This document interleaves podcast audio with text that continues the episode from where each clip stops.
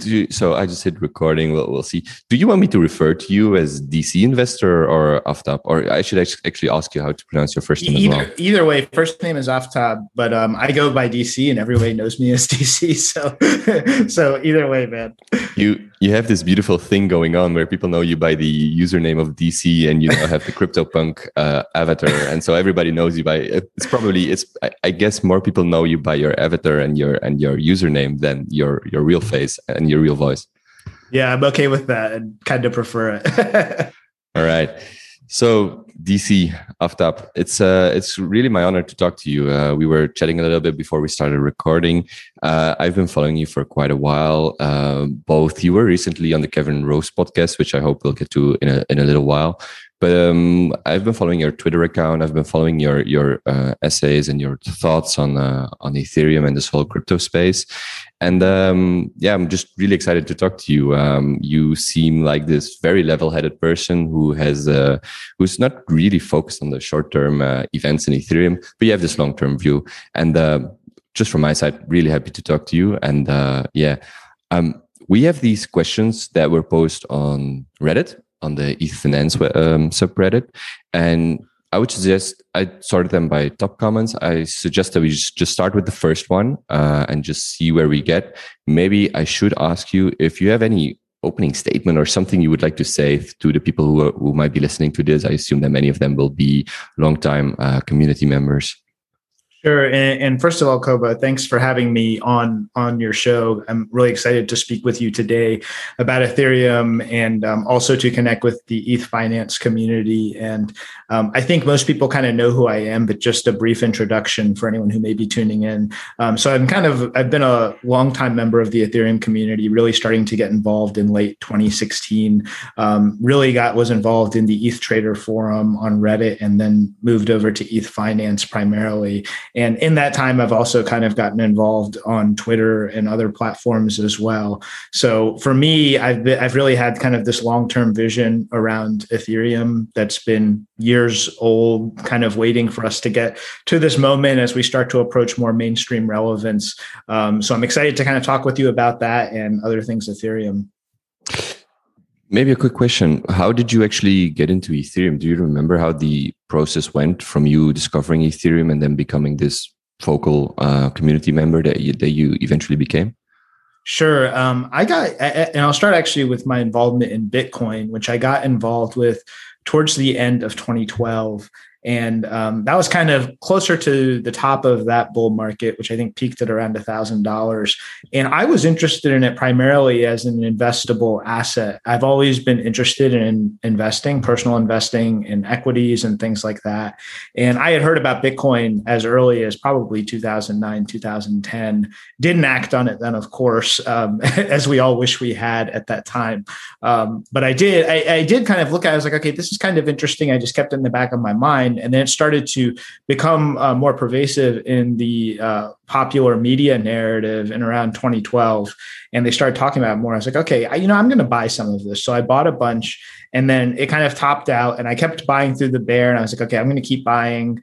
Um, and eventually i ended up selling it at a loss um, in like the 2013 2014 timeframe because um, i had i had bought a condo at that time and i was like well i'm going to use this as a down payment. So in hindsight had i not done that i could have paid for the entire condo and then some. Um, probably probably an expensive condo in 2021 absolutely yeah. So so i kind of I, I got out of bitcoin and then um you know around 2016 late 2016 i started to hear more about bitcoin again. So i logged into my coinbase account for the first time in a long time and i saw this new token called ethereum and I was like, well, what is this? Because for a long time, Coinbase had basically just been Bitcoin only. And I kind of started to research it, learned about kind of how it's this programmable blockchain. I was like, this is really interesting. And so I started, it was something I was a lot more interested in. I didn't actually buy any because I was getting married shortly thereafter and had a lot of expenses. I didn't buy any until early 2017. Um, but I, I, kind of got involved on Reddit first. And I, I my initial involvement in the forum uh, on ETH Trader at the time was actually trying to encourage people to keep a level head around what was then ICO mania, really in the kind of April timeframe of 2017. People were just going ecstatic about some of these ICOs. And, you know, I kind of urged some caution. I was like, you know, have these projects actually delivered any value to get this kind of attention and your money from you? And are you going to do better than just holding ether long term? So that turned out to be a prescient warning um, and i kind of just continued to stay engaged with that community talking a lot about eth, ETH and ether as an investment um, and and carried that forward into eth finance as well. And and kind of during the 2018 as we got as we were close to the top of the market into the bear market i started getting involved more on twitter as well. And and my perspective there was well there's a lot of discussion that's happening there that i wasn't really paying attention to. But two i was also overwhelmed with the amount of disinformation that was being spread about mm. ethereum and, and, these popular narratives. And i got frustrated. I was like well i've got to get involved in this discussion. I need to share my understanding and the facts of what is actually going on. And some people listened some people didn't. But you know a lot of those things that i and others said back then have kind of been proven right in the past year or so when you when you discovered Ethereum back then, there were plenty of other blockchain alternatives or blockchain protocols or, or projects. What what what was it that attracted you to Ethereum, and how would you say has that evolved in the last four or five years since you maybe first discovered or first bought uh, Ethereum or Ether? So it's really um, for me what separated Ethereum from other promises and projects was actually the community and i and it still continues to be what keeps me invested and focused on Ethereum. Um, Ethereum has kind of become this emergent construct.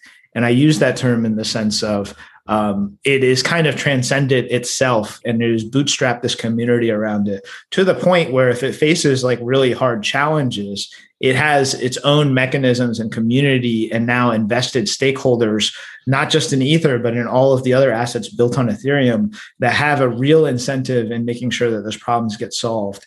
And so when I started to see that, and, and the other thing that attracted me to it was really the ethos of decentralization. And it wasn't this project that like was sold to a bunch of VCs at like 50% allocation. Yes, there was a pre-mine and pre-sale um, to, to stakeholders, but they weren't VCs, they were individuals. Mm-hmm. A lot of them have actually sold their ether. There's been a tremendous amount of ether distribution in the past several years. Further, um, made further um, by by the extended period of proof of work mining as well, which has also released a lot of ether supply. So I think that kind of legitimacy is what really attracted me to Ethereum and the multi-client focus. There's a lot of there's a lot of elements like that where Ethereum to me didn't seem like it was taking like the easy way out on some of these challenges. So to me, that was something that was really attractive, and I saw fundamental value in that. In the same way, I had seen fundamental value in Bitcoin years earlier.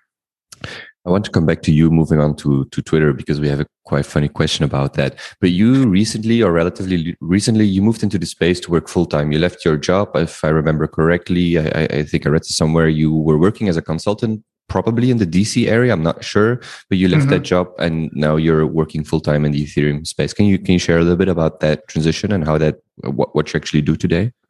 Sure, I, and I'm ba- I am based out of the DC area, and I've been a public sector management consultant for the past 15 years of my life. And I've I, I really advised organizations on their organizational structure, their strategies, their business models, their products and services and value proposition things like that so that i think that gives me somewhat of a unique lens on the space as well um, because one i'm older than your average participant.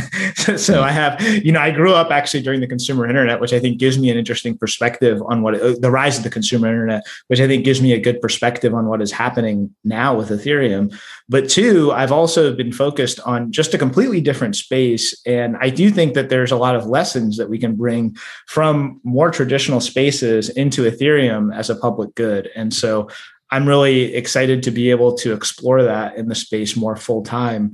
And right now, you know, I'm really just taking my time engaging with teams and with projects and and and protocol development efforts and just kind of helping out where I can, talking with teams, sharing my insights, and I'm not even really charging for that right now. I'm just kind of like engaging with people because I want to help the ecosystem. Um, I have received a bunch of different job opportunities and offers in the space, but for now, as some, you know, I've been working full time for 15 years. I kind of just want to take a break and think about what I want to do next and what that's going to look like. And it's such an exciting time in Ethereum that I feel like I can spend my entire day and, then some, um, just focusing on the space as I do and and trying to engage with people and educate them. And it's it's basically a full time job just in of itself. Yeah, as an outsider, as, as an outsider, I've been following the space quite I, I mean, I, am just so fascinated by everything that goes into in, into this. And you have these people like Balaji Srinivasan, I hope I pronounced his name right, and he has these ideas about a um, uh, whole new economic uh, economies that can be built on Ethereum or decentralized networks, and they're finally reaching the scale where these things are actually possible. They're no no longer just some pipe dream, but they're actually possible. And you you stop to think about these prediction markets and and all these kind of and, and uh, decentralized computing and whatnot and it's just so fascinating. Like there's no shortage of of information of a, a vision of the future as they on the bankless podcast often say of uh, going west. Um, there's this whole there's a sensation that this space is just a, such a big portal into other different areas. And i can imagine that there's just plenty of plenty of stuff to do uh, and fill your days with. Absolutely. And, and, you know, one of the things that I articulated a few years ago was that Ethereum will be successful when it's not just the protocol nerds and like the core developers and so on that are really kind of involved in it and steering its future. It's all of the people who are building things on top of Ethereum. That's how we'll know that it's starting to be successful. And, and I legitimately think that we've started to hit that point with, and I think the first real apparent example of that was DeFi summer from last year. Um, and for those who don't know, there was a big run up in decentralized finance related assets on Ethereum and a lot of use of the protocol um, to support decentralized finance applications. A lot of those people who are using that were not people who are like Ethereum fans, even. They were like, well, I'm going to use this because it serves my needs and I can make money doing it and I'm, i want to use it for that. And to me, that is like the one of the ultimate expressions of Ethereum's success. We're seeing that again with NFTs, and, and we're just going to keep seeing that in industry after industry until Ethereum swallows a lot of different things mm. and it becomes this dynamic and very vibrant economy. That's my opinion. How did the Kevin Rose thing happen? Um, well, Kevin just reached out to me, to be honest, and um, I didn't. I interact with interacted with him a little bit here and there um, in in various forums and, and Discord servers um, and so on around NFTs. But I didn't really realize that he was following me for a while and um, saw value in some of my perspectives. So yeah, I was I was honored to be on his podcast and be the 1st mm-hmm. guest on there, and we talked about NFTs and it, for those who who haven't listened to it, that's available from his Modern Finance podcast, episode number one. And I think it was just a you know Kevin's a really great interviewer, but also he's an extremely knowledgeable participant who brings with him the uh, success of having created a platform like Digg and really was a pioneer of Web 2.0. And so I think his his perspective on the space is just so valuable. So it was an honor for me to kind of talk with him and, and share my thoughts on NFTs and Ethereum. It seems like that move to Twitter paid off, but let me just ask Ethercoin's question. Ask him why you abandoned Reddit to hang out with the crypto Twitter Twitter losers. yeah, I don't I don't begrudge anyone for having that perspective of crypto Twitter losers because it is a tiring platform at some at times. Um, I will say so. First of all, I don't think I've abandoned Reddit, but I do I, I don't engage quite as much on Reddit as I used to. Um, the main reason why I started doing more on Twitter was, as I mentioned earlier, I just saw this degree of misinformation during the bear market and I felt compelled to go out there and say, no, you guys have it wrong. This is what Ethereum actually is. Here, here's why it has this kind of unique value proposition. And I just wanted to kind of help get the word out. Over time, I started to engage with people more and more there. And I realized that I can have a much bigger impact by engaging with these people in this open forum that's just kind of, you know, one of the properties of Twitter is Uh, anyone, almost anyone can see your tweets, right? Even billionaire investors or celebrities, they see my tweets. Some of them like follow me and stuff like that, you know, and retweet my stuff. Like you just don't have that kind of reach on Reddit. So I still enjoy Reddit for being able to have more of those in depth discussions. But just in terms of getting some of those quick sound bites out, I felt like Twitter was a better forum in which to do that. So, but I still like Reddit. I'm a huge fan of ETH Finance and kind of everything that's about. I think also I'll say that I started off on ETH Finance. I never really gave investment advice, but I approached it more from the perspective of an investor. And now I'm still an investor, but I also have become kind of more of a very involved community member that's really um, focused on making sure Ethereum is successful long term. And, and beyond that, decentralization is successful. And it might not be like just Ethereum, mm-hmm. but that's what I'm passionate about. And that's what I want to focus on.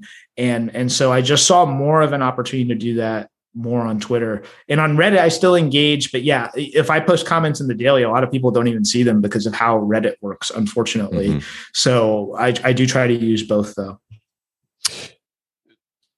Did you consider, or how did you think about stepping out of the, say, anonymous or pseudonymous account that was or is DC Investor? Because if I remember correctly, um, you actually started using your uh, your real name on Twitter. You never really mentioned it on Reddit. That was completely anonymous or pseudonymous. But was it some? Did you have to contemplate a decision? How what went into going? Was it necessary to actually uh, post under your real name on Twitter to become this kind of community leader or member that you've become?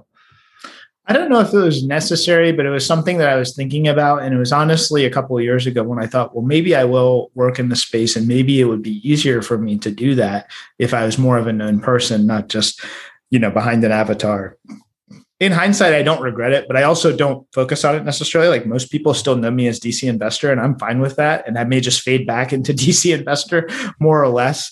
Um, I will say that like it, the way that I use these social media platforms is truly to like engage with people and to have discussions. I don't really focus much on brand building. I've had some people like reach out to me and be like, "How did you build up this like Twitter following?" Hmm. I was like, "I don't. I have no idea.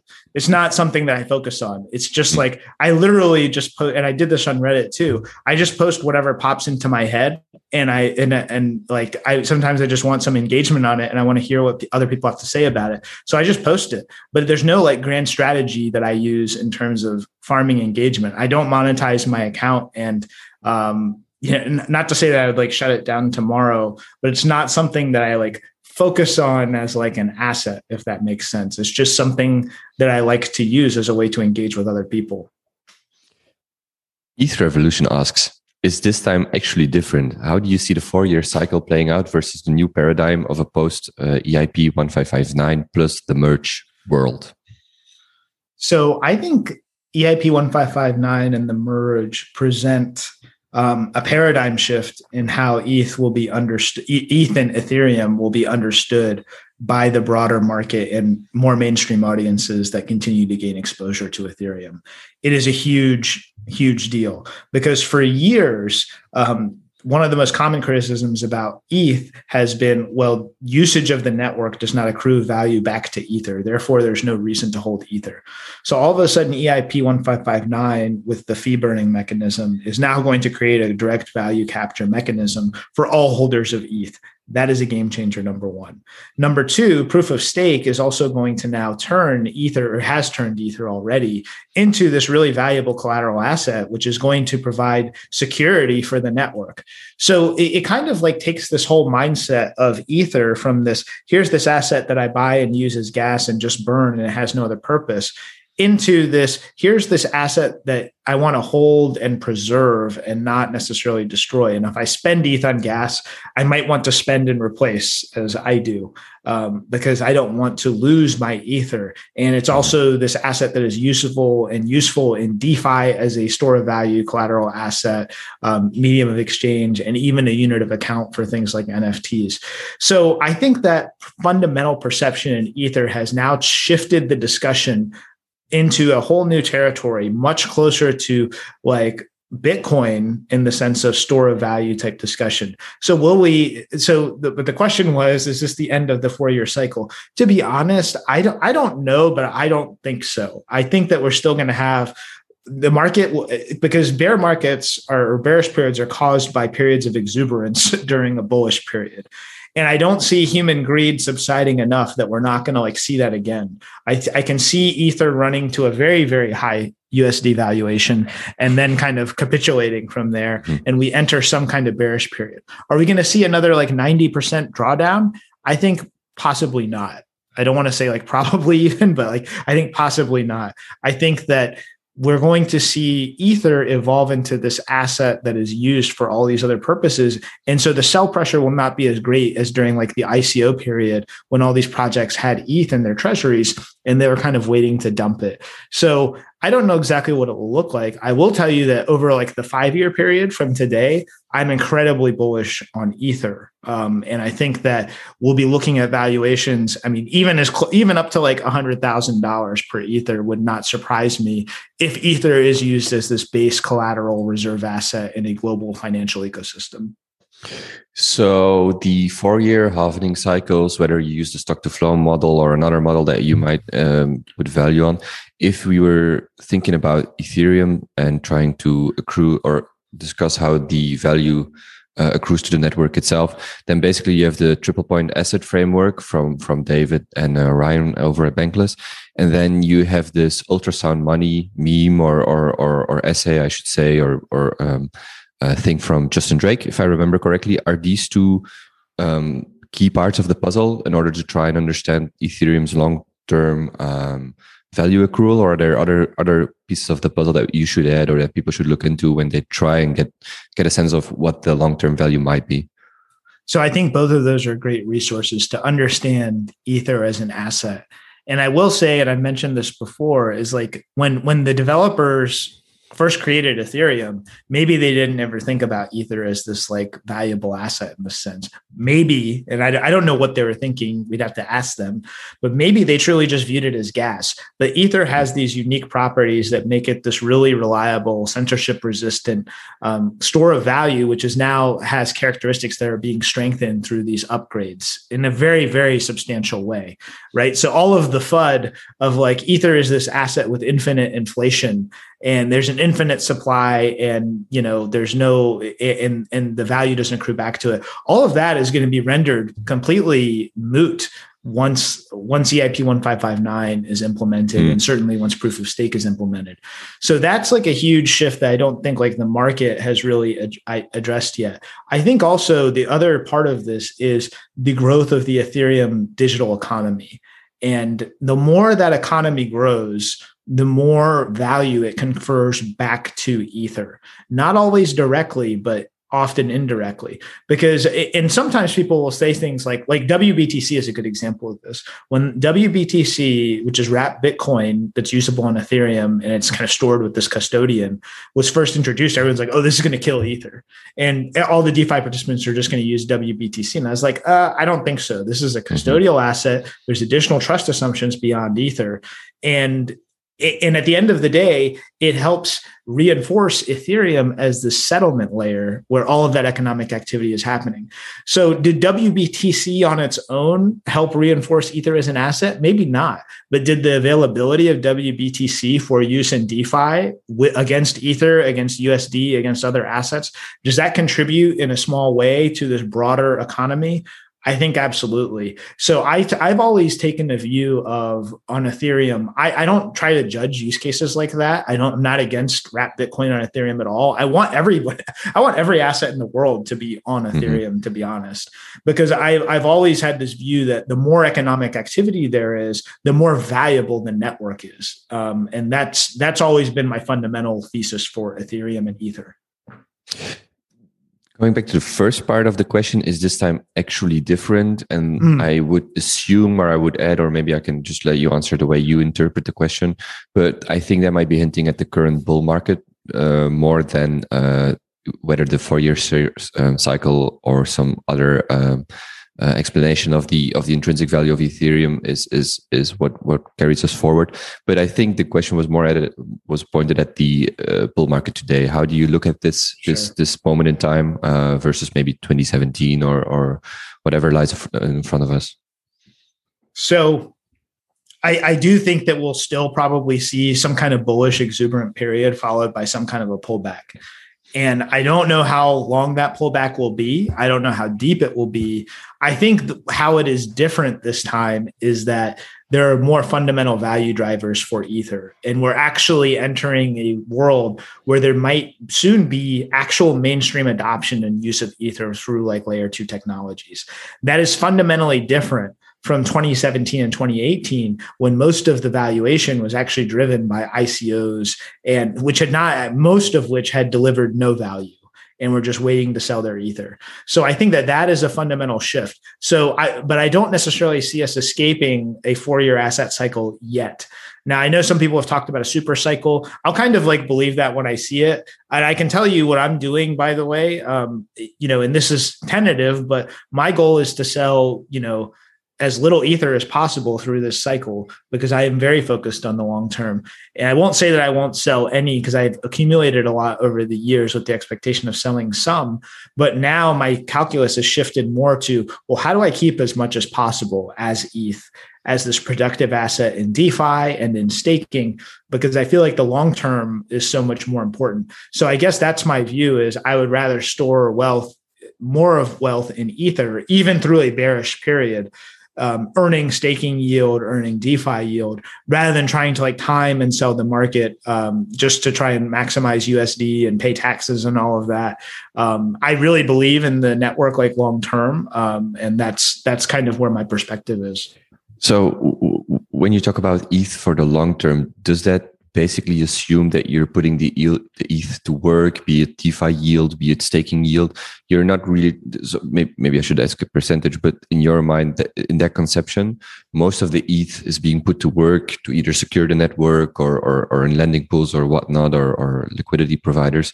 But it's not really that you're keeping a major part of your ETH. It's just sitting idle uh, the same way it could have, say, you could have held it through 2018 19 there are now all these protocols and all these possibilities so you're actually putting the eth to work yeah, absolutely. I mean, I put a lot of my ETH to work in various DeFi protocols. Most of them are quite conservative, and a lot of my strategies just involve using Ether as a collateral asset, which I borrow against to to buy other tokens, or, you know that that's really what I focus on. Versus, um, you know, I don't use a lot of the risky farms. Um, it's just not worth it to me. I understand why some people enjoy doing that sort of thing, and I did some of it last DeFi summer but I just want to be able to sleep at night, to be honest, and not have to worry about am I going to get rug tonight uh, because some protocol, someone's selling half the supply or whatever. It's just not worth it to me. But yeah, I think that I think we're going to have more and more opportunities to use Ether in productive ways because I do think it's like the special kind of asset.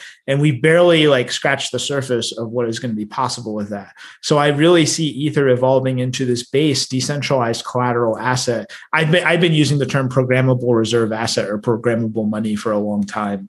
And that's really what I view Ether as. So the more uses that we can discover, and it really is a discovery process for that asset, the more valuable it becomes because price is just a reflection of scarcity, which is supply and demand. So my view of Ether is like I always say, like memes are optional for Ether. Um, and but we've got some good memes that are in the pipeline, but like it's really that utility and it's that whatever drives the scarcity, that is what's important. Not selling ETH, funny, funny username, has asked this. Has DC tried Decentraland or Crypto Voxels? And what does he think each needs to succeed? That's one question. He actually has three questions. That's the first one. The second one is, and this is uh, adjacent, will one metaverse become the hub for other games and 3D spaces, or will different metaverses serve different needs? Maybe start there. Yeah, so I think that Decentraland and Crypto Voxels are both interesting first attempts at a metaverse. And I think that they are they each have their pros and cons. Decentraland is kind of feels a little bit more um, proprietary and a little bit more closed, and it's really centered around the mana token, um, which may actually be a um, key aspect of its success or a hindrance to adoption. TBD on that. Um, I think Crypto Voxels is more of just this pure play. Here's digital land, go and build stuff, kind of Minecraft style. Both of them right now kind of leave me wanting more, um, but they kind of demonstrate the value of these economies. And some of the land in these platforms is worth quite a bit. Um, but I don't really know what the online metaverse looks like yet. Mm-hmm. I don't know if the online metaverse is going to be like a land constrained thing. Like, do we want to take the limits of like the real world, like space, and then re- replicate that in digital? Is that the long term value proposition for billions of people using an online metaverse?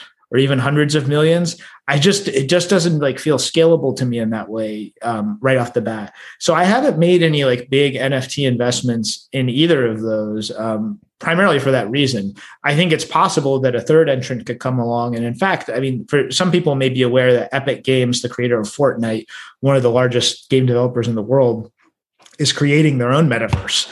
And I don't know what the details of that will be, but like imagine if they create something and they allow, I do think a key is going to be that they allow people to bring their own assets like bring your own nfts because any any any ecosystem that attempts to be closed is not going to be successful in a metaverse context. You have to honor the fact that people have assets. They're going to be wanting to bring their own stuff in. Like some walled garden thing, like probably like what Facebook would try to do, is not going to be successful at being quote unquote the metaverse. I do think also it's possible we will see different metaverses, perhaps localized by geography, but also maybe even just localized by community niches, right? And I think this is an ultimate expression of the internet age and, and even more so the Ethereum age, it gives people who have common interests anywhere in the world an ability to coordinate. And now with Ethereum, they have an ability to coordinate economically. So I could see multiple metaverses evolving around different niches and communities. So we are like barely in the first inning of this, and it's too early for me to say what it will actually end up as. There was a third question from not selling ETH. Will he show up to Hawaii with an actual dark gray hoodie and purplish shades? it's definitely possible, and it depends on uh, it depends on I it, it depends on how hot it is because I hear Hawaii is generally pretty warm most of the time. It's, it's just dependent on the weather, on on on how hot it is. there you go. Exactly. All right, then let's see.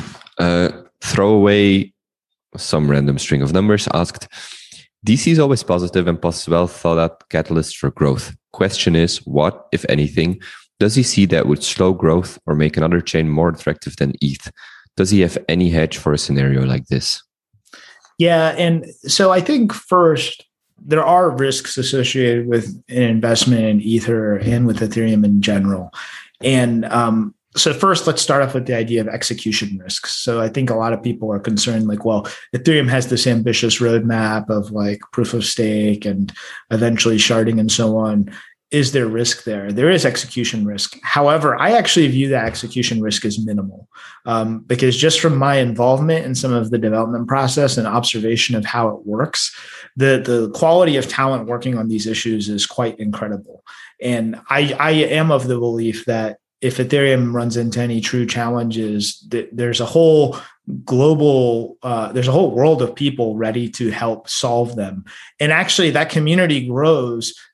It scales with the value of the assets that are created on top of Ethereum, which is interesting right? So now, for example, all of these NFT creators are also now stakeholders in Ethereum. Every DeFi app creator is a stakeholder in Ethereum. All of these people have a vested interest in making sure Ethereum succeeds versus in 2017, 2018, during the big Ethereum killer times, everybody wanted it to like fail because everyone was pitching their own layer one, basically. And I think that is a fundamental kind of shift in how we think about Ethereum and Ether. Um, so I think that's one set of risk. I think the other risk that perhaps is a little bit more palpable is around government intervention and, reg- and regulation. I do worry about certain governments, like the United States, for example, taking a heavy handed, ham fisted approach to dealing with issues that require a lot of nuance. So far, actually, I've been mostly encouraged. But what I'd also like to see governments do is offer more official sanction and safe harbor to allow people to build on these platforms because we still see a lot of this innovation occurring overseas outside of the United States, and this I'm saying this as a U.S. citizen and resident, you know, I do want the U.S. to be a part of this, and I want I want us, to, you know, in the same way that we help really drive the growth of the internet, and really we're leaders in that. I would love to see us play a similar role around Ethereum and blockchain, but I think that with Ethereum, we have we now have the benefit of the internet, so to speak, right? So this is already a more global endeavor, and it's much more federated across the world, which I think is also a positive. By the way, I don't think it should be like a U.S. only game or um, you know China only game or any nation state only game. It should be global, and I think that global game actually will create incentives for more nuanced approaches because any nation state that tries to come down hard on these technologies on Ethereum has the potential to be left out of the next internet, the internet of finance, the internet of value. And so I think that is a real powerful motivator to making sure that governments kind of take more of a laissez faire, hands off approach, maybe even an accommodative one.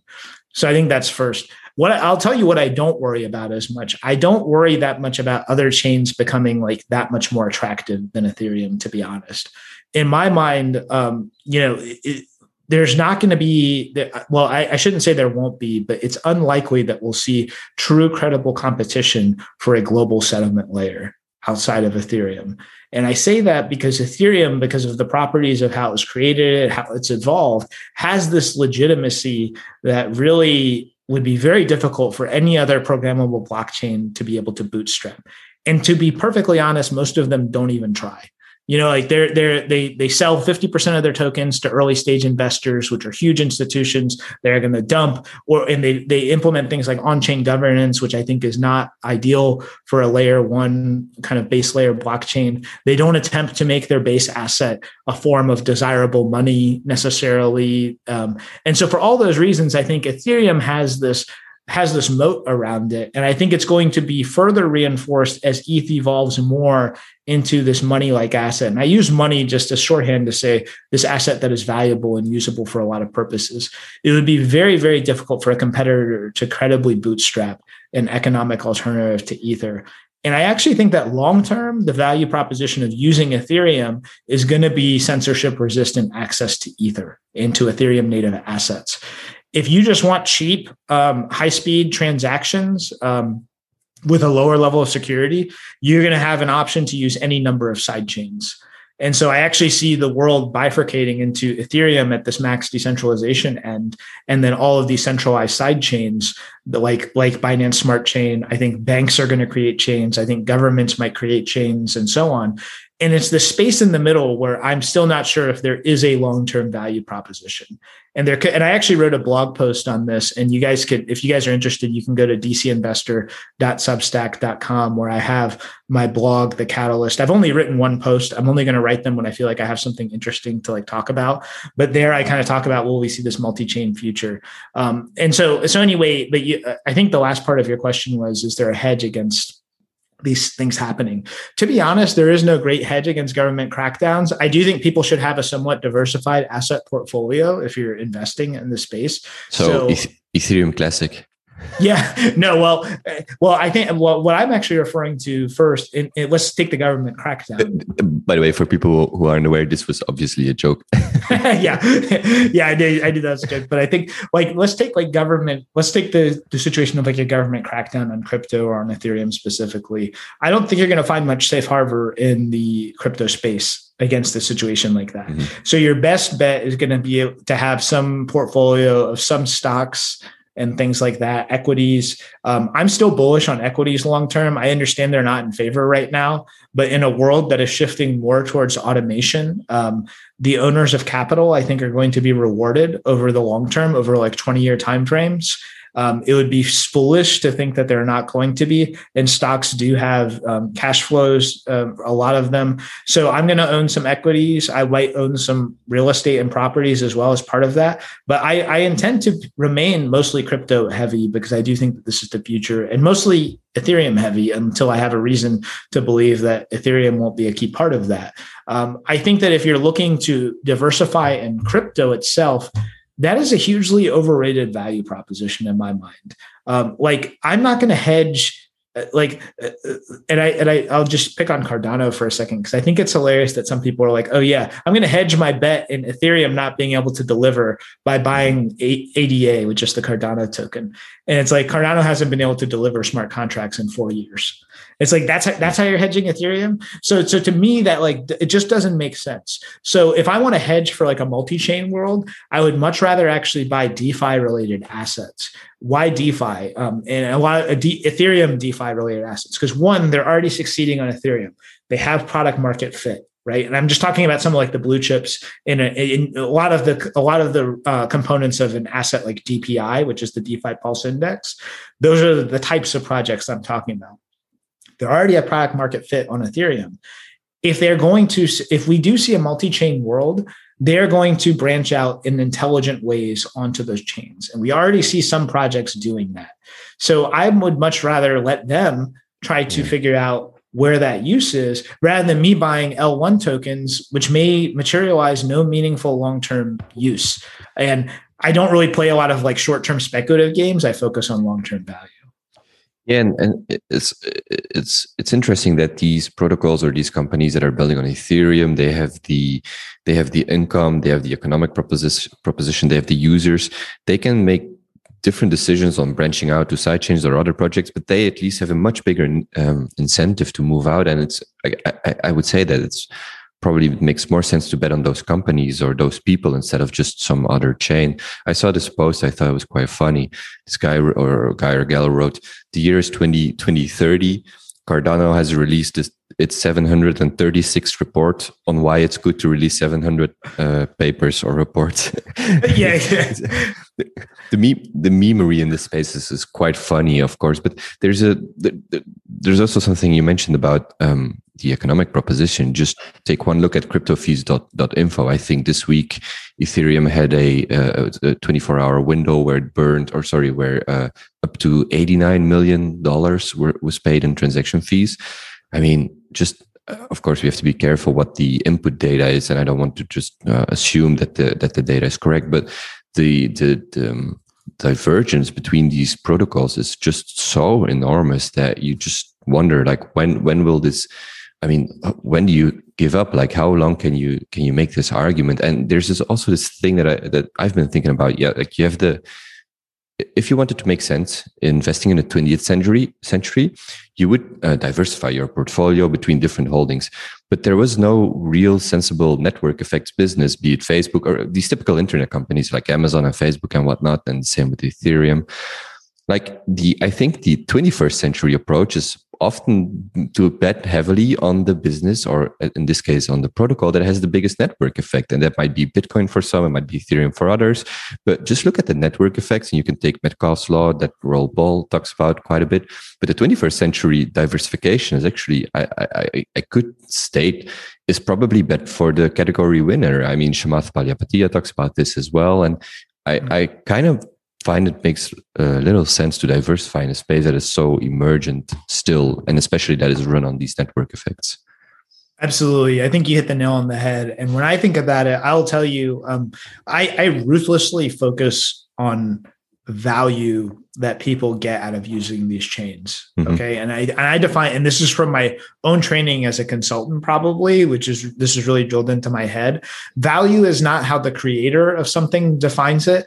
Value is defined by the users and are they willing to pay to use something? Are they willing to you know how inelastic is the demand for the good or the product produced by that network? And i think we can see very very clearly in the fee numbers that the demand for ethereum block space is incredibly inelastic and is actually not price sensitive meaning to me that it actually conveys a lot of value. Now sure there could be some monopoly um, effect to that but actually with evm side chains i would say there isn't necessarily that, that much of a monopoly. You can actually get some of the utility on some of these side chains. So why are people paying so much to use Ethereum? And just to put this perspective in numbers, I've got crypto fees up right now.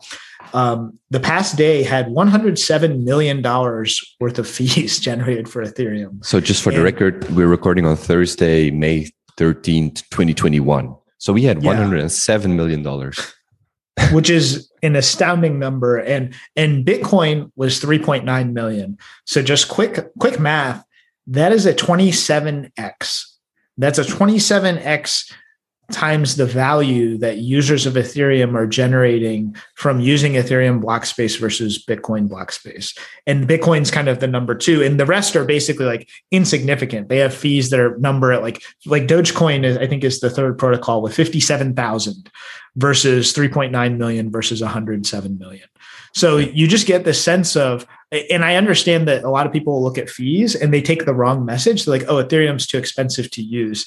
And I know this analogy has been used a lot, but it's like saying the most popular restaurant, which may also be the most expensive one in town, is failing.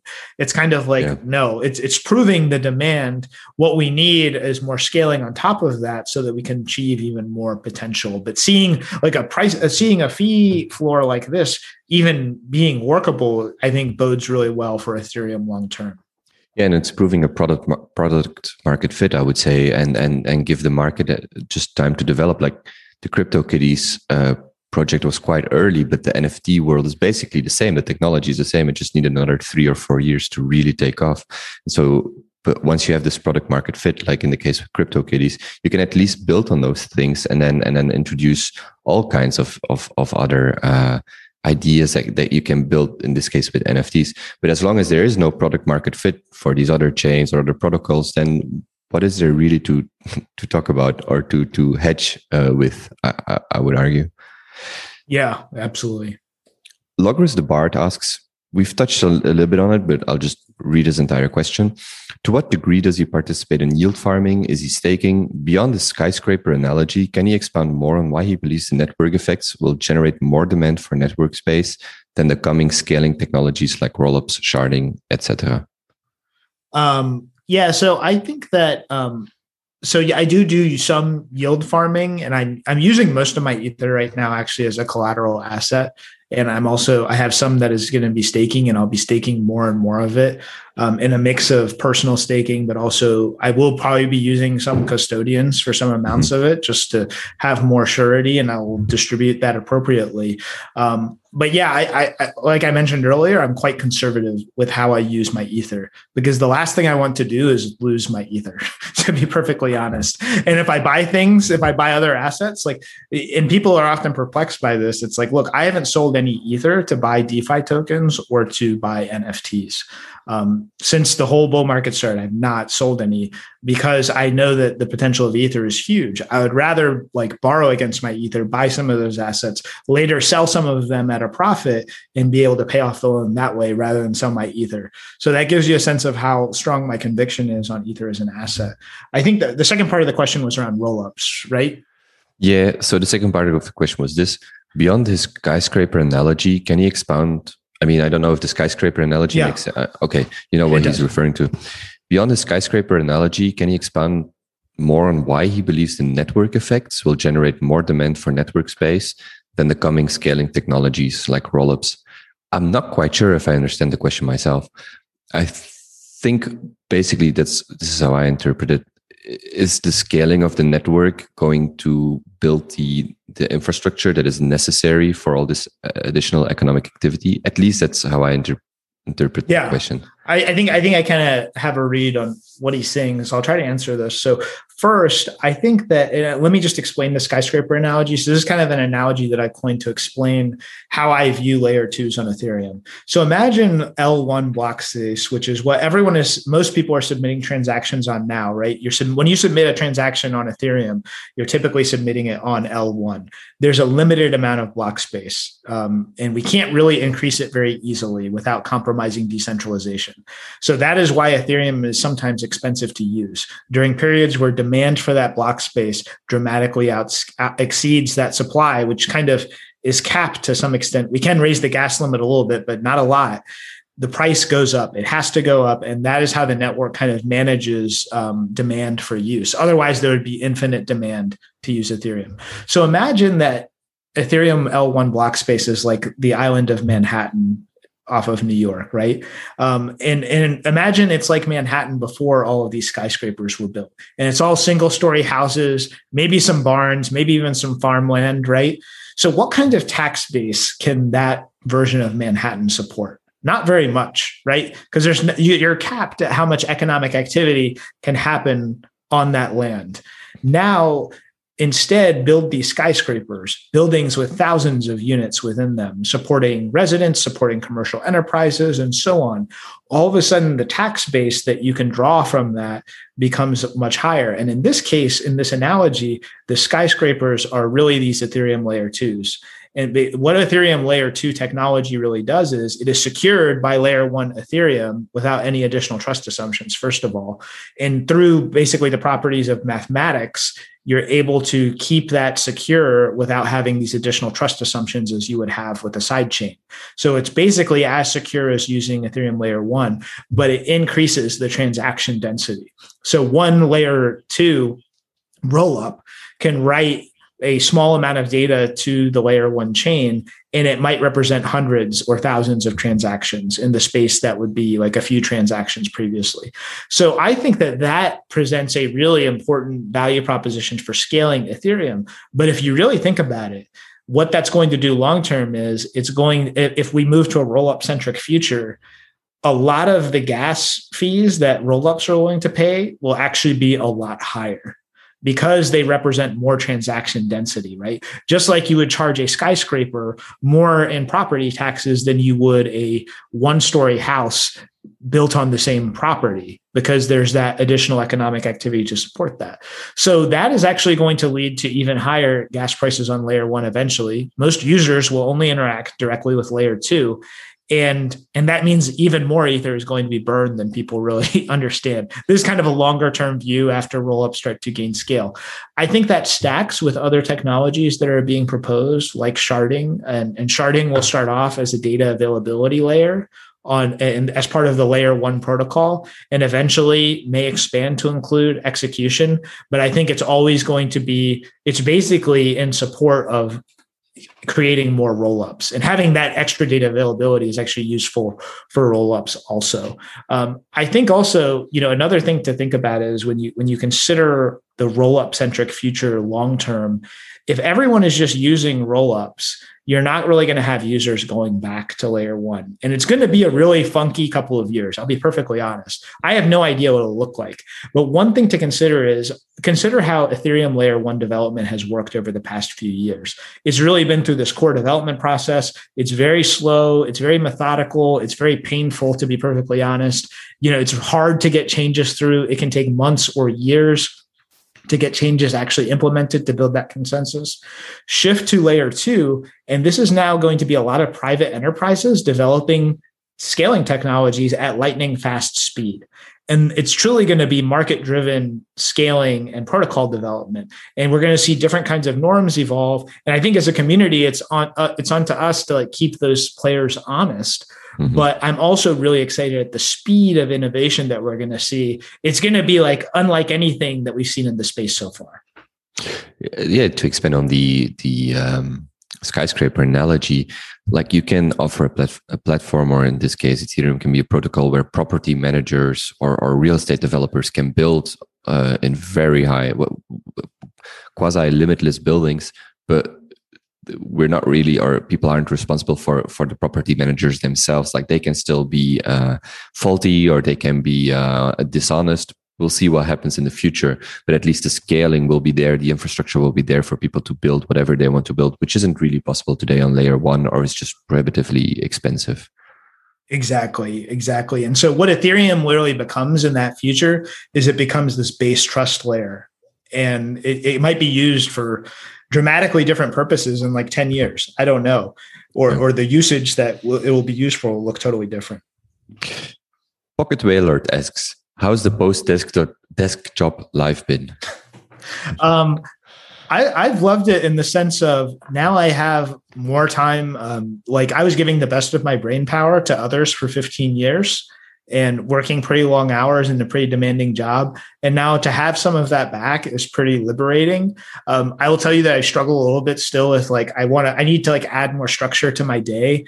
And I think part of this, I think all of us have suffered this really over the past year with the, with the kind of, um, you know pandemic times we've all kind of struggled with like getting into a routine and how do you just like not sit in front of your computer all day and stay inside and so on you know i mean like i struggle with that sometimes and so i'm still adapting to that but now as life returns to normal um, i'm hoping that that'll be easier but yeah i would encourage anyone who's considering something similar is come up with a plan set some goals for yourself and and if you're structured even if you're not a structured person try to create some structure for yourself because um, that's that's really what's going to be beneficial. Are you still married? Yes. Yes, okay. I am. Yeah. I've been married for a few years now, happily. And yeah, we, we survived the pandemic. we mm. survived being around each other like 24 seven during mm. the pandemic times, which I think is difficult in of itself. Um, but yeah, we're, we're just starting to kind of get back to life and we're looking forward to taking some trips and getting away and so on. Mm. Nice thing about a bull market, I guess, is that at least more than more people than last year can actually think about what a post desk job life would look like. Uh, at least if they play their, car- their cards right, I would say. So Hans Burger asks, many people are pointing to an extended cycle. The notable 150,000 uh, per, per ETH prediction is pointing to a time horizon of March 2022, and there's 50k puts for around that time as well. Does he think we'll have an extended cycle? What different what's different this time that will lead to the market extending that far into next year versus ending around New Year's like all previous cycles? So I would be shocked if we ended up at like $150,000 in this cycle before a pretty market pullback, right? And and the pullbacks are caused because you have so many people that have made so many profits along the way that they start to sell off right? We've already, we've actually already seen that among some of the og's from eth finance and so on who held through the bear and they had the ptsd was so strong that they get to a thousand they're like i need to sell because this could go back down. Mm. and i kind of said at the time i was like well i'm not going to sell anything because i'm really focused on this long term. And that started to crystallize more for me.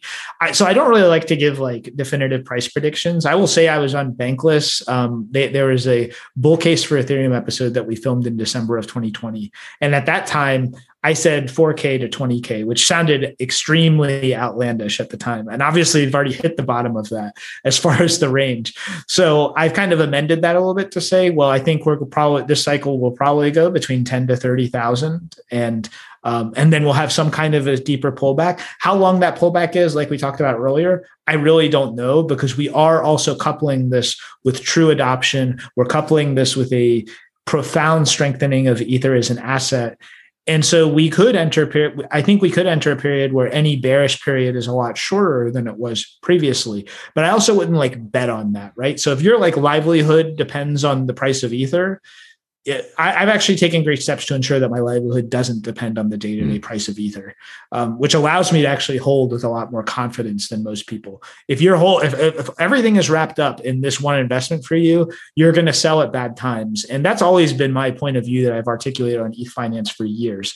Is you've got to you've got to set yourself up for success because if you if you're like 100% Ether and you have nothing else, and if it drops, and and now the numbers are getting big, right? So like a drop for someone who's been holding from the bottom of like $500 in a day, which we'll easily see, we might even see $1,000 days in Ethereum one way or another. That can represent a huge amount of nominal wealth for some people.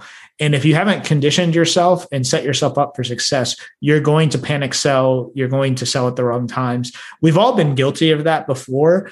I've done it with other assets, or I, have kind of had this mindset of like, oh, I'm overexposed to this DeFi asset. I need to sell some. I regret doing that almost every single time because it's like I should have just held it and I should have just like minimized my taxes and I should have gone with it because it's still a quality asset. Do you ever think about the, the, the exponential part of this space? Like just a year ago, say March 2020, if I remember correctly, the intraday low was $91 for ETH and I think for I can't remember for Bitcoin, but it must have been about around three thousand dollars, I think. But the ETH intraday low was ninety one dollars. I checked it on CoinMarketCap. So I mean that's that's forty five x just this week or or something like that.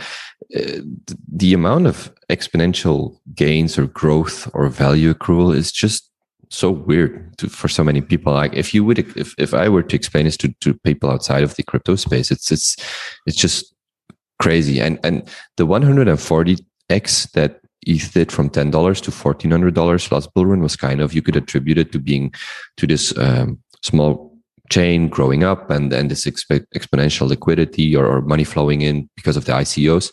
But we're seeing very similar things happening in this year or in this bull market. So it seems that even though the scale is much uh, bigger or the protocol has grown so much the exponential part of it still stays intact. And and that's something that at least if i look at the history of of this space this 10 year history of this space it doesn't seem to slow down or it doesn't really seem to slow down. What are what are your your thoughts on this so I do think that we'll have, I think we already do see diminishing returns from like the earliest days of Ethereum and Bitcoin, but that still doesn't mean that we won't see exponential or very significant returns from here. Obviously, we're working off of a bigger base, but my opinion kind of going into this, out of, coming out of this bearish period was that we'd eventually make 2017 and 2018 look like this small blip along yeah. the journey.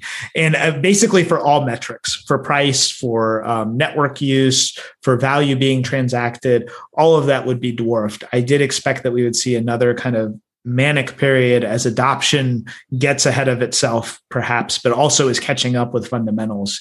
And so uh, you know i think that and so when we go back a year ago into march of 2020 that was obviously an exceptional time with like a truly black swan event probably with the pandemic. And a lot of people were panicking then. And i remember actually going into ETH finance one day. So actually in the days leading up to that i actually killed off all of my leverage. And I was kind of, I kind of announced that publicly because I was like, you know, I had been talking about like taking on leverage positions. And this is also part of the reason why I don't talk about my positions as much on, on, on like forums like Reddit anymore, because I don't want people to like follow my, I don't want people to try and copy my investments because you could copy my investments, but you can't copy my conviction. And you also ha- probably have a different risk profile and different asset posture than I do otherwise. So I might be willing to take risks that you're not, or vice versa so I do think it needs to be an individual thing. But going back to that March 2020 date, so I deleveraged and I actually had a lot of cash on hand after that dip. And I remember like the day after, there's a lot of uncertainty. And the next week after, I rebuilt my entire ether position and then some. Um, and I and I, I was lucky enough to buy some ether at ninety dollars.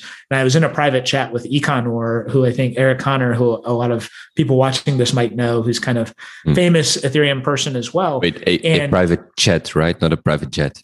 No, yeah, yeah, yeah, not a private, private jet. jet. he might be on jet. a private jet now. No, no, we were in a chat. We were in a chat. And and I was like, we were watching the price collapse, and he's like, dude, you should buy some right now because I had a bunch of cash in there. I was like, I was like, oh man. And I just kind of held my nose, closed my eyes, and I hit buy. And and it turned out to be the bottom, of course. And so over the next week, I rebuilt my position. I remember going into ETH finance.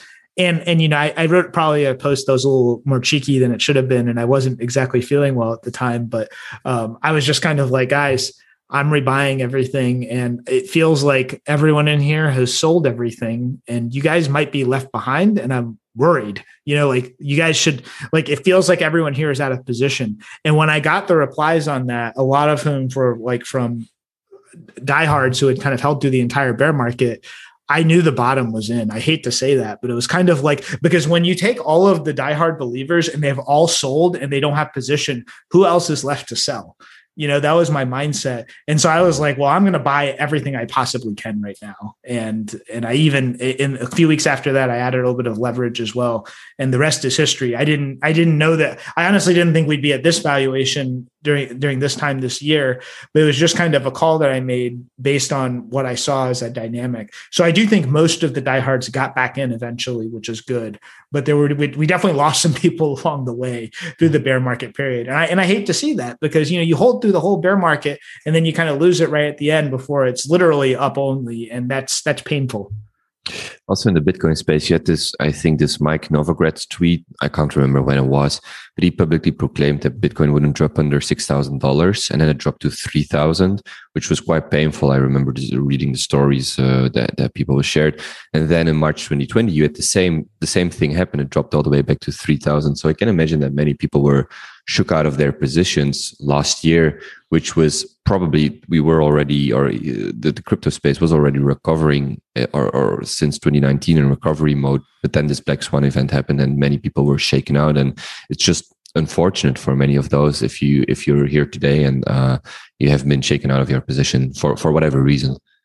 Yeah, and I think I actually, you know, to add a point there, I think that it's always dangerous to say that like a price will never go below a certain level, and I've been guilty of that too. But what I don't do is I don't project that belief onto my portfolio, mm. right? I don't I don't just hold if it's like, you know, if I have leverage on, I'm not going to watch myself get liquidated. I actively manage the position if I see a decline coming. And sometimes that means leaving some money on the table or losing some money, but I'm not going to put myself in a position where I lose everything because I thought that I was smarter than the market. So you, so you can say as kind of like a joke, oh, it won't go below a certain level. But if you if you reflect that, and I saw a lot of people get liquidated on that day in March, which is truly awful. And and I, I was kind of encouraging people, look, if you have leverage, be responsible about it. And that's kind of when I was like, okay, I'm I, I need to be a little bit more guarded in how I discuss my strategies because there are people who are like trying to copy me and they're not like taking the same risk management steps that I will take in, in a situation like that. Let's see. Lechuk Lichuk 88 asks, when did you realize that it was best for you to quit your job? And is the Ethereum bull the main reason for it? I mean, I'll, I'll, I'll just be reading the questions if we've already handled them, or if you feel like you've already said everything there is there to be said, then just feel free to skip. But I'll just ask them uh, anyway.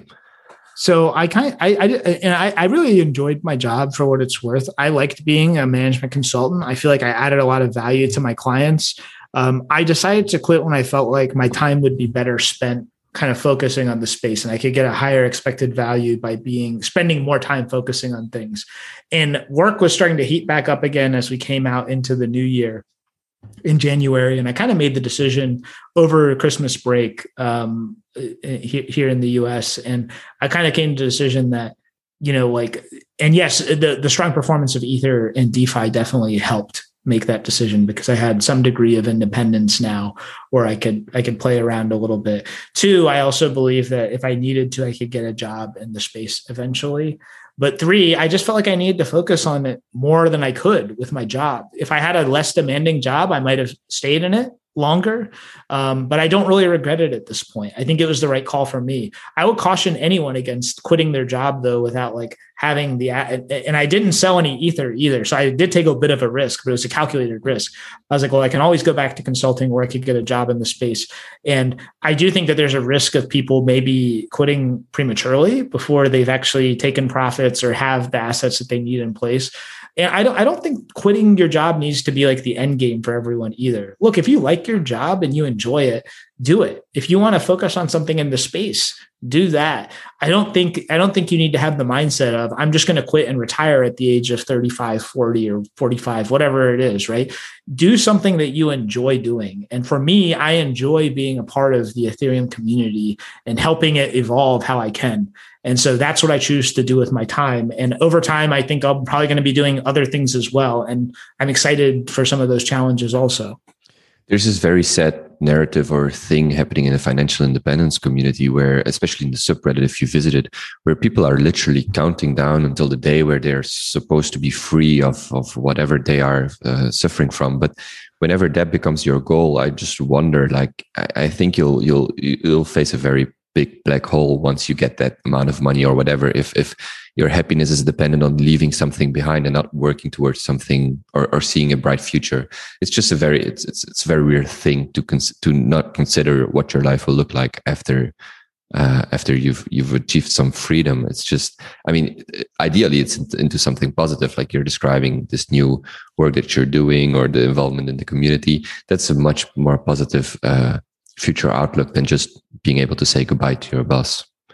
Yeah, I think I think my my fundamental advice to people is don't run away from things, run towards things, right? So, and if you're if you're in a job that you don't enjoy, find a better job. Do like, you know, even if it pays less, even if it's doing something different, maybe you have enough wealth in Ether or other assets now that you have the flexibility to take a lower paying job. Maybe it's something that you'll enjoy doing a lot more. I think people need to be a lot more creative. I think anyone who's just trying to get out of their job and just stay at home all day and play video games or whatever is going to be miserable. Um, and you know, it, it, you might have some joy in some near term, but you've got to kind of create that purpose for yourself in other ways. Charles B states and asks, don't really have a question. Just want to just want more than anything to say hey to an old OG ETH, but buddy, hey, if I guess I had one, I'd be um, sorry. If I guess I had one, it'd be will I able to see you in Hawaii if the event is greenlit? Let me uh, just add a question. Like how how do you think of this whole community um, thing that is happening within the Ethereum space. And I don't mean the, the broad community and people building on Ethereum and working on the social layer, but just this very individual part of being inside of a community, posting on Reddit, posting on Twitter, and actually share some kind of uh, um, some kind of um, very excited period in your life, very closely with a bunch of strangers who you actually know pretty well, at least in this part of their life, whereas your regular friends or just people you meet on the street tomorrow they won't have this the, the slightest idea. Yeah I, I think it's interesting because for a lot of us who have been involved in ethereum and in the blockchain space in general most of our in real life friends don't want to hear about it they don't they don't necessarily share the vision. And I, I tried to kind of bring it to some of my friends. And there are a few who have kind of come around but there's a lot who are just like okay i don't get it. I'm not interested in discussing it. So we don't really discuss it there. So we spend all of our time on online forums interacting with friends that we may never meet in real life. And i think that is a really interesting bond. And it speaks to the power of the internet. And for me that that wasn't something that was foreign because like back in like middle school and high school i was on irc chat forums back then talking about mm. Quake and video games that I enjoyed playing with friends that I made online there. And so this is just kind of for for someone like me, we've grown up with it. And I think for a lot of us, we've grown up with that. And as we move into the metaverse, it's going to become even more common. So I think that these relationships can be as real and as meaningful in some cases as like in real life friendships, and that will only increase. So I think though that for a lot of us who held through the ether bear market, there is a certain bond that is there because it was just a few, well, it felt like just a few of us who really kept that long-term vision. And I've had a lot of people actually reach out to me and it's always nice to get a message like that. That's like, Hey, thanks for, you know, all your posts through the bear market. Cause it helped me understand why I held ether in the first place. And it helped kind of reinforce my own conviction and, and why I was holding it and why I was focused on the long term. So, and, and I always love to like get a message like that. But at the end of the day, I, am like, I'm always like, don't give me credit. You decided to hold it. You had to make the decision. Only you can make a buy or sell decision. And you did that. But I do feel like there's that camaraderie there. As for whether I'll be in Hawaii, we'll certainly see. But I would love to kind of meet up with some of the community in person that I've interacted with over the years. And, and Child SP is one of my favorite posters on ETH Finance. Crypto Moon 2020 asks, please ask him about the time he said the price would never go below 200 US dollar again, not even a wick. Was he high on the technology or just joking around? So I was definitely just joking around. Now, I will say at the time, I did think I felt like the formation was strong, and I was like, I was like, there's a good chance we don't go below 200 again, and because I just felt like it had been building up for a while. Um, but, but any, when did you, when did you post this? Do you remember? Oh, I don't remember. It was a long time ago. It was after we had already dropped back into the 80s um, in in December 18, and then I think it was kind of like it was at some point on the way back up, and I just don't recall the details exactly. But I was just kind of joking. It's like Ether won't go below 200 again, not even a wick. And then some people decided to take that like way too seriously. And I and I, even when I said it, I was like, "This is not financial advice. Don't like trade on this. Don't leverage it." But yeah, so after that, I was just like, "Okay, I'm not going to make a lot of like price predictions like that." It was just kind of it was it was just kind of a joke. But you did say 10 to 30k in this bull run. That's kind of yeah. I mean, that's that's my feeling now. But uh, to be honest, I, I'll never make like a guarantee on something like that because we could have topped already. I don't know, but it just doesn't feel like in a speculative mania. I do think that I expect to see more of like a blow off top. We haven't seen that either in Ether and Bitcoin, and real mainstream adoption and awareness is only growing. So I just don't see us getting to that point yet. But yeah, you can casually say, like, if I'm giving a prediction for fun, I think that 10 to 30K is still potentially potentially valid. Decibels 42 asks, what are three of the most fundamental lessons he learned in life, and who did he learn it from, whether he met these people in real life or not? The answers can be finance related or not, but generally, what guides and resonates with him on a daily basis? So, um, so here's a few that kind of stick out with me. So, one, always be learning, and I really learned that from my father who always he always had like this intellectual curiosity about him um, he was very curious about a broad range of topics.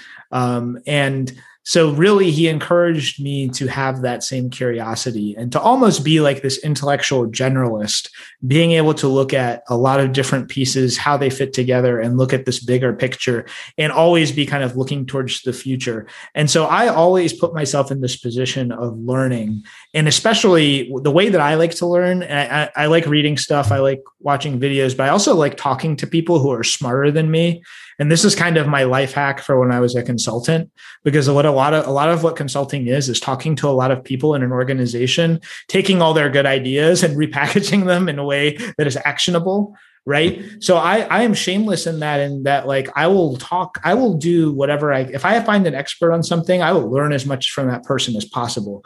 I have no shame in i don't believe in like dumb questions.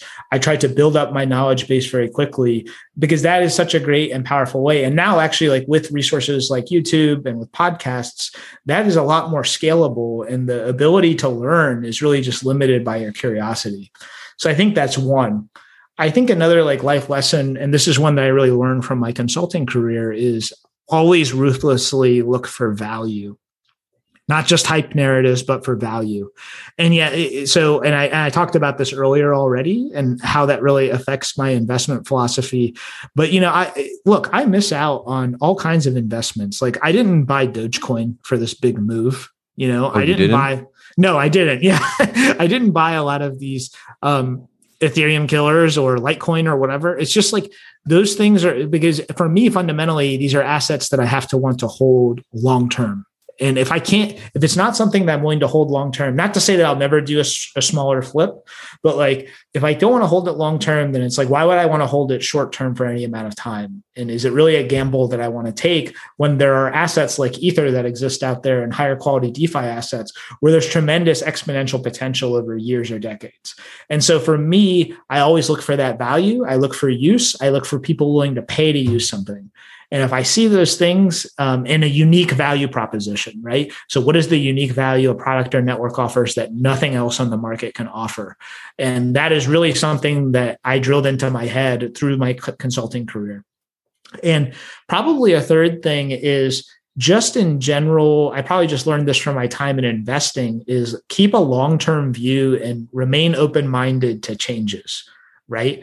So I'm never going to tell you that Ethereum's dominance is guaranteed for like the next hundred years. I really have no idea. I do think that over the next five to 10 years, it's going to have an incredible period based on how I'm seeing the community and the network and usage evolve. Um, but it's important to be open minded to new data. And I, I'm always scanning for that data.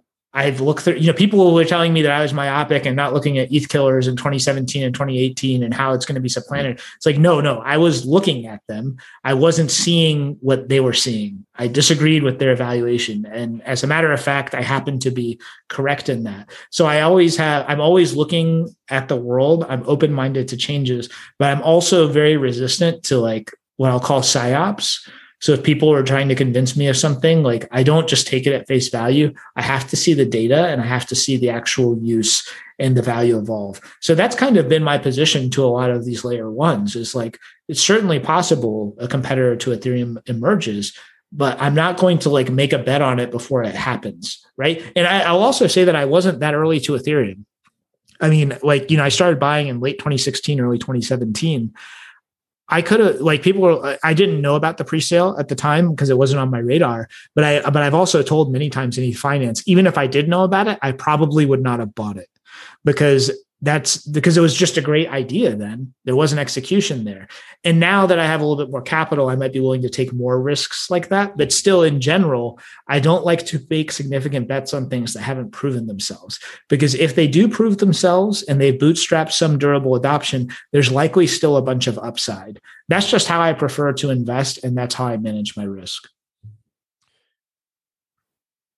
I don't know what the word sassy means, so I'll just ask the question. But, but I, I, I, literally, I literally don't know. The nomadic eight eight nine three asks, "Ask him why he's so sassy all the time."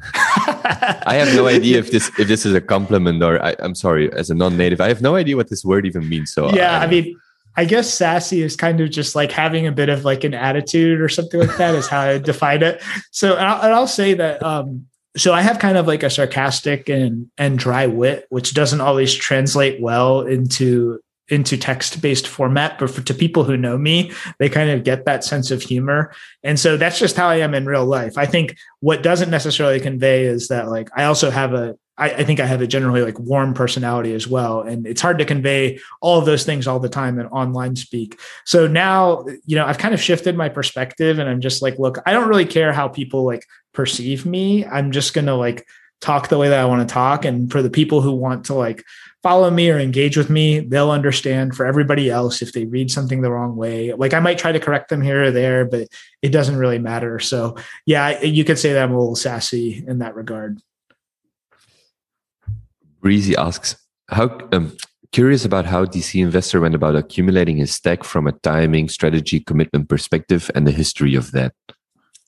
So some people will remember who are watching this that back in like 2018 i used to, and i used to have this uh, a flare on reddit. You can set your own custom flare that appears next to your messages. And i used to say we'll not sell any eth before 2022 and, and and I held that view all the way through 2017 into 2018 into 2019 and even into today. But I'll get to that in a second. But I was just like, I'm not going to sell any ETH. For me, I was accumulating what I felt like was a world change the the token powering a world changing technology, and so so so I didn't I didn't buy very much like close to the top in 2017 just because I had bought some at like I think my earliest entries on Ether were probably like somewhere in like the order of like I, I, don't remember. Let's say it was like 40 to 60 dollars or something like that. And then it went up really quick in like April of 2017. I was like, oh wow. And so I kept buying through 300s, you know, into 800s. And then there wasn't actually that much of a time period during the very bullish period when it went up a lot. And I was always dollar cost averaging. And a lot of people know me for that philosophy, which is if you, because a lot of us, and it, I think a lot of people get wrapped around the axle with dollar cost averaging because it really boils down. I think it's the way that most people earn their money. So most people get a paycheck and they get paid on a defined period mm-hmm. and they have disposable income to invest. I just was investing a little bit into Ether as much as I could. And, and during big pullbacks, I would try to invest even more. And during the most bearish periods of like 2018 and 2019, when we were like hovering at around $100, I literally was taking every cent I could possibly find and throwing it into Ethereum to the point of being like reckless, to be honest. Um, and so I wouldn't necessarily recommend that to others. Did, did you tell your wife? No, she knew. I mean, she knew she knew that I was really investing a lot into the space, and it, this isn't stuff that really like interests her a lot. She kind of like trusts my judgment when it comes to yeah. investing. So I just kind of like mentioned it to her, and she's like, "Okay."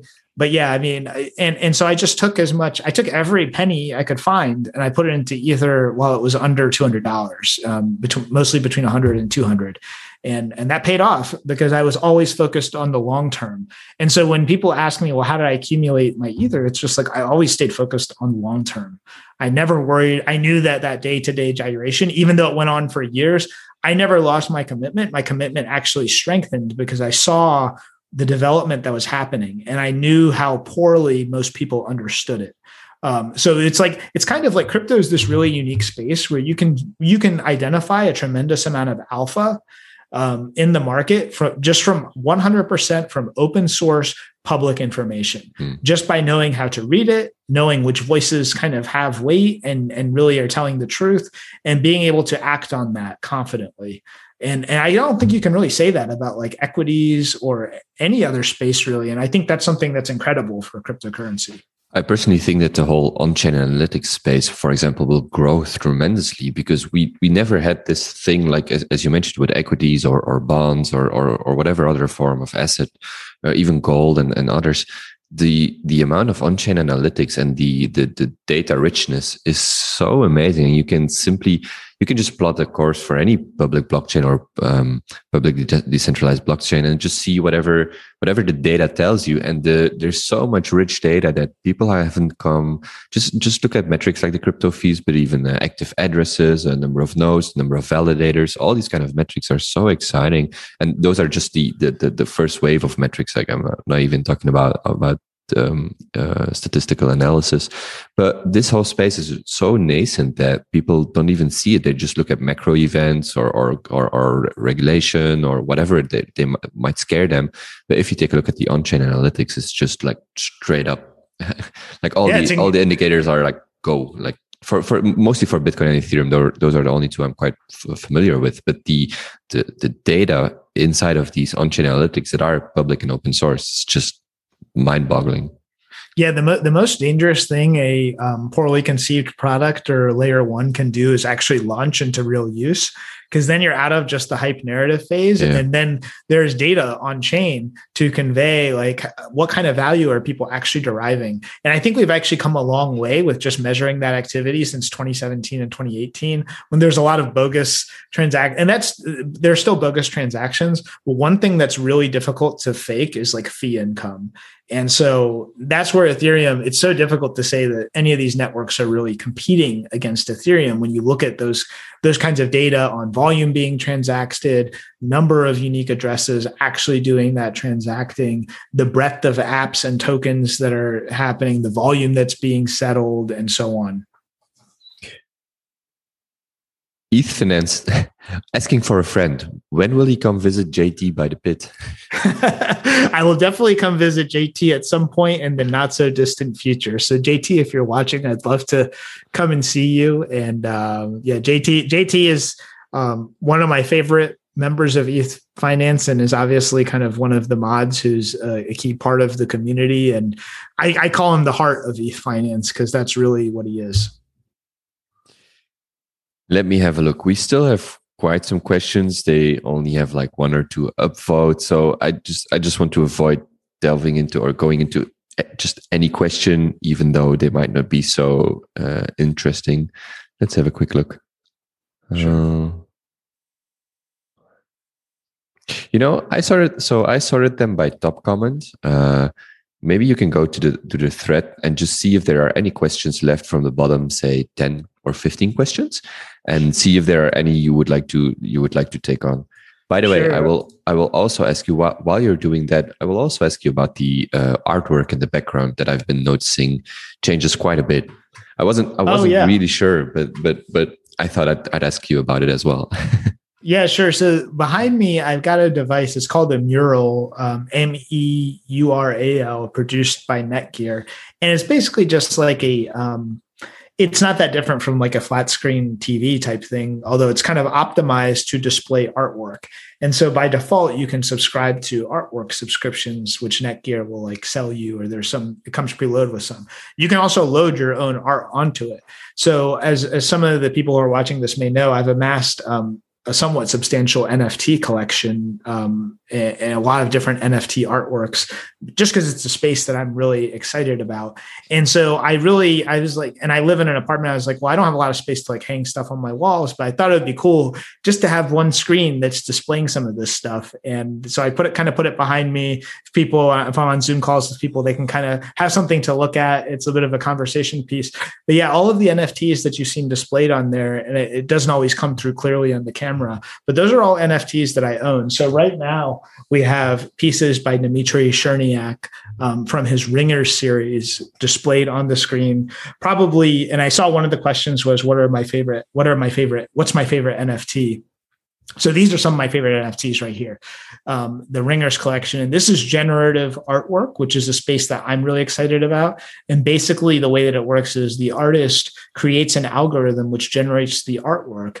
It's actually stored on chain. And then your transaction to create the artwork provides the randomness for that random number generator. So it's actually a profoundly interesting way of creating art because it's almost like the artist has to turn over full control to the algorithm and can't control what the output is. And so it's really hard to do it well and create a good set that is both diverse but also visually appealing and cohesive.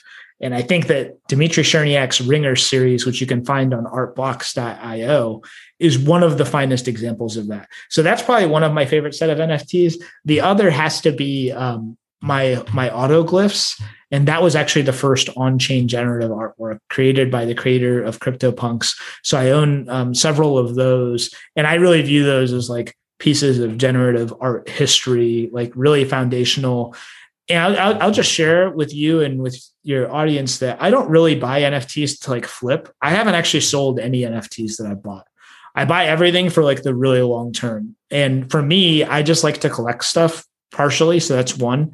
And I like collecting digital stuff because it doesn't create a lot of, uh, I don't need a lot of storage space for it. And I can admire it and I, I like having it. And, but I also know that these will become profoundly important assets over time. If there's, I can sincerely say that there are very few regrets, but if there's one thing it's the I, I completely miss I, I I I'm pretty sure I got the uh, the announcement, but I missed the CryptoPunk sale, and I just I just wasn't aware. And looking back on it, I, I, I wouldn't be interested in flipping any of those either. But the, the profoundness of the project, and there are a couple of those, but especially the CryptoPunks, I just feel I just regret not being aware of it or just completely missing it. I don't know what happened, but I just completely missed the sale, and I would have happily happily bought one or or just one that I that excites me. But as far as I know, uh, they are too expensive right now for me to to to purchase.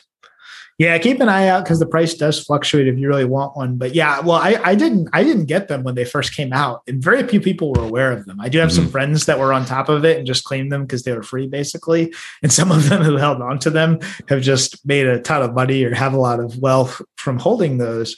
Um, I got into CryptoPunks actually in February. So after I quit my job, I started to explore the NFT space a lot more just because I had time. This is one of those examples where I was like, now I can really spend time learning about these things that I might not have focused more on. And and I bought some CryptoPunks then, but as it turns out, I was still somehow early, and then they really just kind of took off parabolic shortly after I got into it. But anyone who follows me, follows me online will see that I have punk number 294 set as my avatar, which by the way recently appeared in Times Square and which I was really excited about. I was able to uh, donate to Save Art Space, which is a, a, a, kind of a charitable organization focused on advocating for art, and, and they they they hosted my punk in Times Square, which I just think is is really cool and is a lot of fun. And so we're exposing the world to crypto punks and to Ethereum. There were some questions in this list, and just by I, am reminded of this. Just the conversation that we're having today would sound would sound so uh, foreign to people just five years ago. The fact that you bought a CryptoPunk and it's some kind of digital art represented as a non fungible token, but you did see it on Times Square and it's in the back in, in the room where you're sitting. This whole space is so exciting. Um, for an outsider, for an insider, so many things are happening, and it feels like, at least in this period uh, in time and space, many things are coming together as well, uh, and it's just a just again, the, an easy conclusion is that this is such an exciting space where you even see your CryptoPunk on Times Square. yeah, exactly. And I'll actually say that a big part of the value proposition that I see long term is the emergence of like this metaverse that we've talked about, because I think these assets will become more valuable because they're going to be usable in those contexts.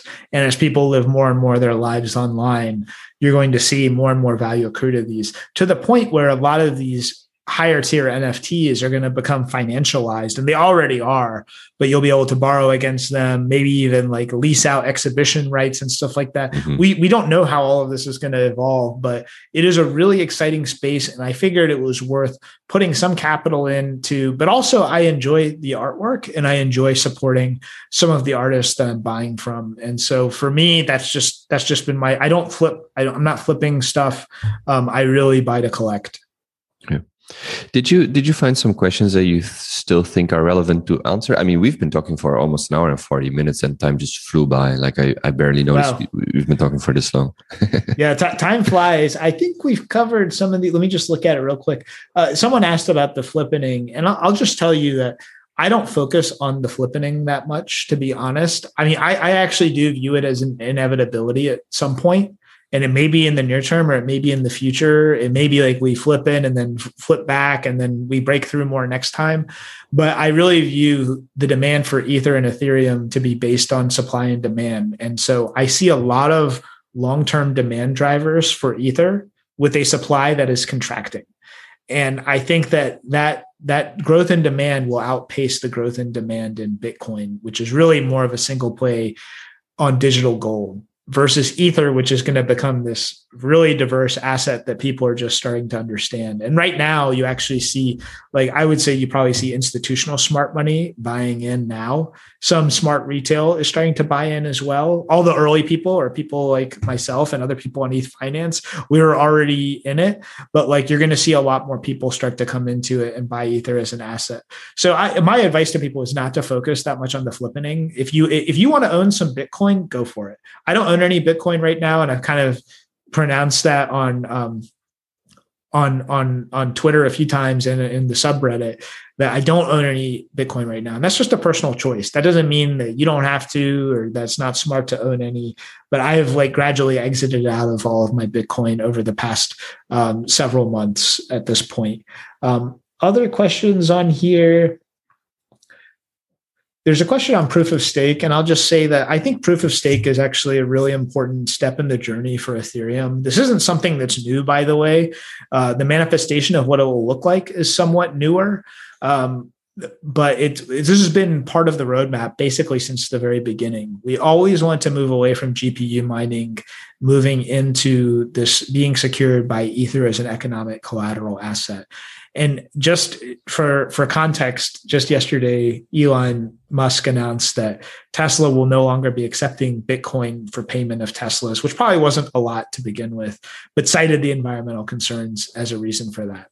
So I think the narrative, and, and we've also seen a lot of, frankly, misinformation, disinformation around Ether and Ethereum and NFTs from like people in the traditional art community who are like, more, I think, expressing a rejection of NFTs as a disruptor for their industries than like truly being focused on those environmental aspects.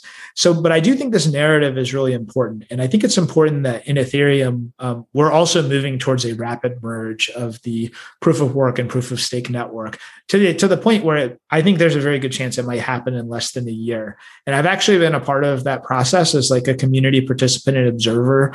Um, Justin Drake and Danny Ryan asked me to kind of help out and listen in on some of these transition discussions. We actually had one of them this morning. So I think there's a lot of progress being made here. So I would be surprised if we're not on full proof of stake probably within a year. Yeah, this is what I was going to ask. You're not just referring to the merge that is slated for October or sorry, December 1st. I think you're also you're talking about the full merge uh, being the initial merge and then the post cleanup merge. Well, I'm just talking about the merge in general. Um, and so I, yeah, I don't have a full handle on like the roadmap for all of the mm. steps that would be involved in that, but I'm defining the merge first as just like turning off proof of work. And that's kind oh, of yeah. like our first priority. And there will be a lot of other stuff we need to do after that as I understand it, there's this uh, post cleanup merge where they will introduce transferability, among other things. So that would be the point where proof of work is completely cut off, at least as far as I understand. Yeah, there's still a lot of TBD in the roadmap. And actually, what you see right now is like, so as part of this Rayonism um, movement um, within Ethereum, as part of the ETH Global Hackathon, which is really going through this month, um, they're working on doing a rapid merge, um, kind of like just pulling the clients together and seeing if they can talk to each other. And so far, we're having a lot of success with that, which bodes really well for the ability to do the merge. I think what a lot of people don't understand is like the hard part is already done in the sense of getting that bonded validator network. Now there's like, I don't know what it is, like 4 million Ether secured, which is like $16 billion or something like that. There's a huge sum of money that is on the line for ETH2 to be successful. And that is a huge signal, but it's also a responsibility that I think we're going to meet. So, like, we're going to get this done, and it's going to happen, I think, a lot faster than people expect. Would you say that the EIP, so both five, uh, 1559 and the merge are already priced in? We can take the efficient efficient market hypothesis, or just a general question like, do you think it's priced in already? Do people even expect does the, the current price, I think it's around $4,000, does it already expect the market being aware of uh, these changes? Well, let me put it this way. I think these are the two most significant moments in Ethereum consensus, like two of five of the most significant consensus moments in Ethereum history. I think the first one was the DAO hack and the decision to make the adjustment to kind of reverse some of those losses. The second one was when the parity multi-sig was hacked and there was a decision at that point to not roll back the chain which a lot of people thought would happen and that they would they would get those funds released which kind of like showed that hey we're not going to do that again. The chain is like hardened. We're going to keep the state like immutable so to speak. We're not going to we're not going to have human intervention change that. And the third was when the community rejected the implementation of ProgPow which was the shift away from ethash towards another um, hashing algorithm because it would have kicked ASICs off the network, which there we, we don't know how many exactly how many ASICs are on the network, but it would have hey And we're back. hey, Kobe, I'm sorry about that. My computer crashed on me. I have no idea why. So I'm, I'm sorry about that. Um, it's, it's fine. I, we're still recording. Everything's still on. So never mind. Okay. Yeah. And I, I don't know. I, do you recall how far I'd gotten through before I yeah, lost? you, you, you, um, you described the first three moments, uh, and you mentioned you were talking about ProgPow um, and how yeah. that re- rejection was actually a third uh, significant sign. Yeah, that was a really significant moment in Ethereum history in the sense of, um, you know, the community kind of went against what some of the popular developer consensus was and we didn't want to see a fork over it. We didn't think it was beneficial to have GPU miners have that much power, especially as we're moving towards proof of stake.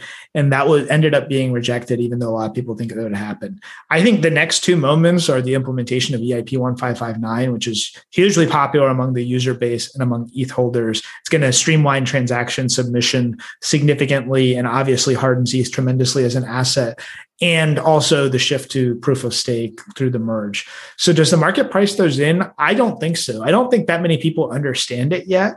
And I think the more that it is popularly understood, the more people will really view Ether as this asset that is worth holding um, for the long term in a way similar perhaps to how they view Bitcoin and other um, stored value assets.